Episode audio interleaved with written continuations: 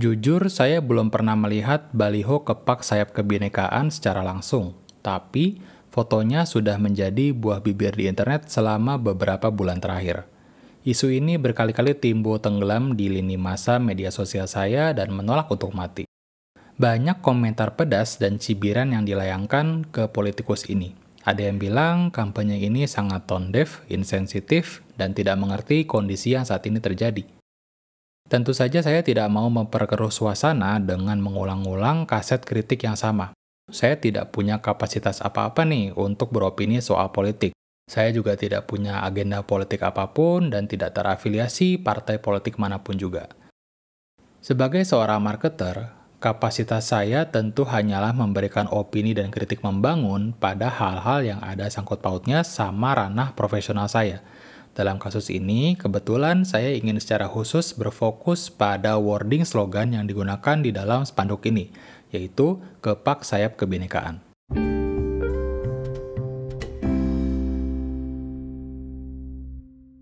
Jujur, butuh waktu lama buat saya pribadi buat menelan bulat-bulat slogan ini. Kepak sayap kebinekaan. Artinya apa ya? Kalau kita bisa bedah, kepak sayap di sini mungkin adalah sebuah metafora yang melambangkan progres, kemajuan, dan perubahan ke era baru. Secara eksplisit, sayap di sini mungkin mengacu pada sayap burung Garuda yang jadi lambang negara kita. Kebinekaan, obviously artinya adalah keberagaman, diversity, dan melambangkan secara umum perbedaan yang terjadi di berbagai elemen masyarakat Indonesia. Sehingga ketika digabungkan, Kira-kira slogan ini berarti perubahan bagi masyarakat Indonesia yang beragam.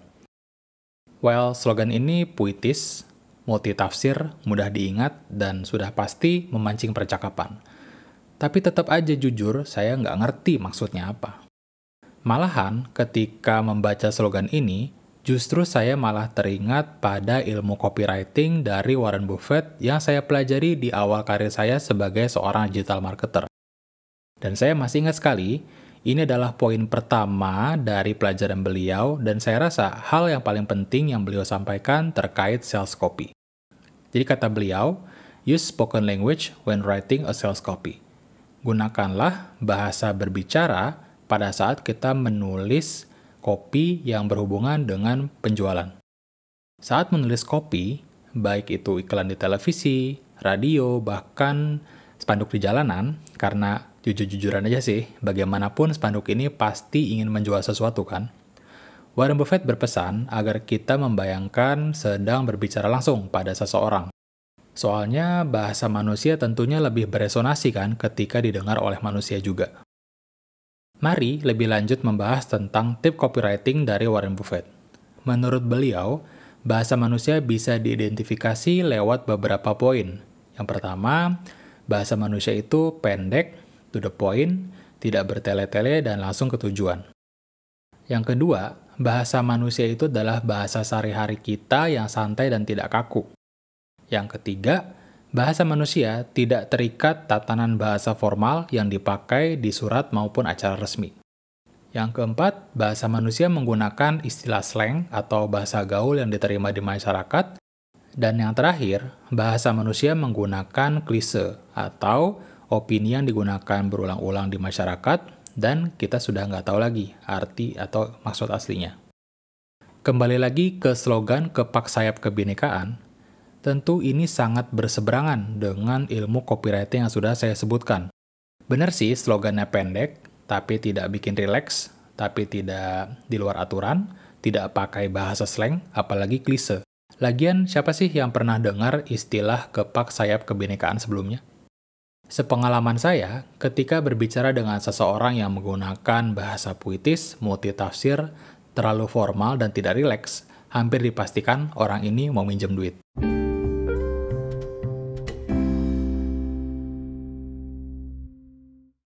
Dalam ilmu copywriting dari sumber lain, saya belajar kalau dalam menulis iklan dan sales copy, ada tiga tahapan yang bisa kita gunakan untuk memenangkan audiens. Sejujurnya saya lupa sumbernya dari mana karena belajarnya sudah lama sekali. Tapi metode ini namanya adalah metode CIM yang kepanjangannya Catch, Intrigue, Message.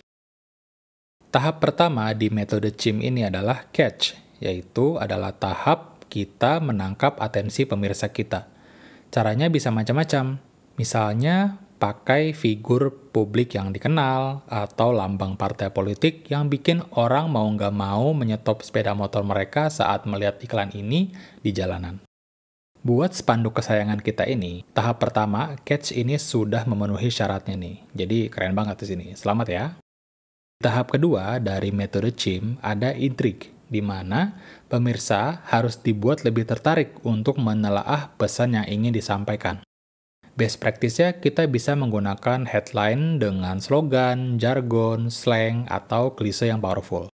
Untuk tahap intrik ini, saya juga berikan apresiasi buat spanduk kita.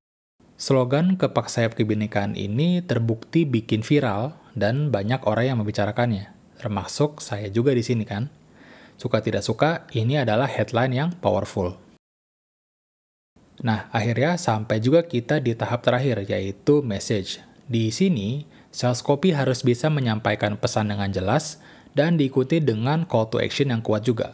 Call to action atau CTA adalah instruksi yang hendak kita sampaikan ke pemirsa supaya mereka melakukan sesuatu setelah membaca iklan kita. Justru di tahap ini saya malah pusing. Kira-kira pesan yang ingin tanda kutip dijual oleh slogan ini apa sih? Saya biasanya tidak peduli dengan janji-janji politik.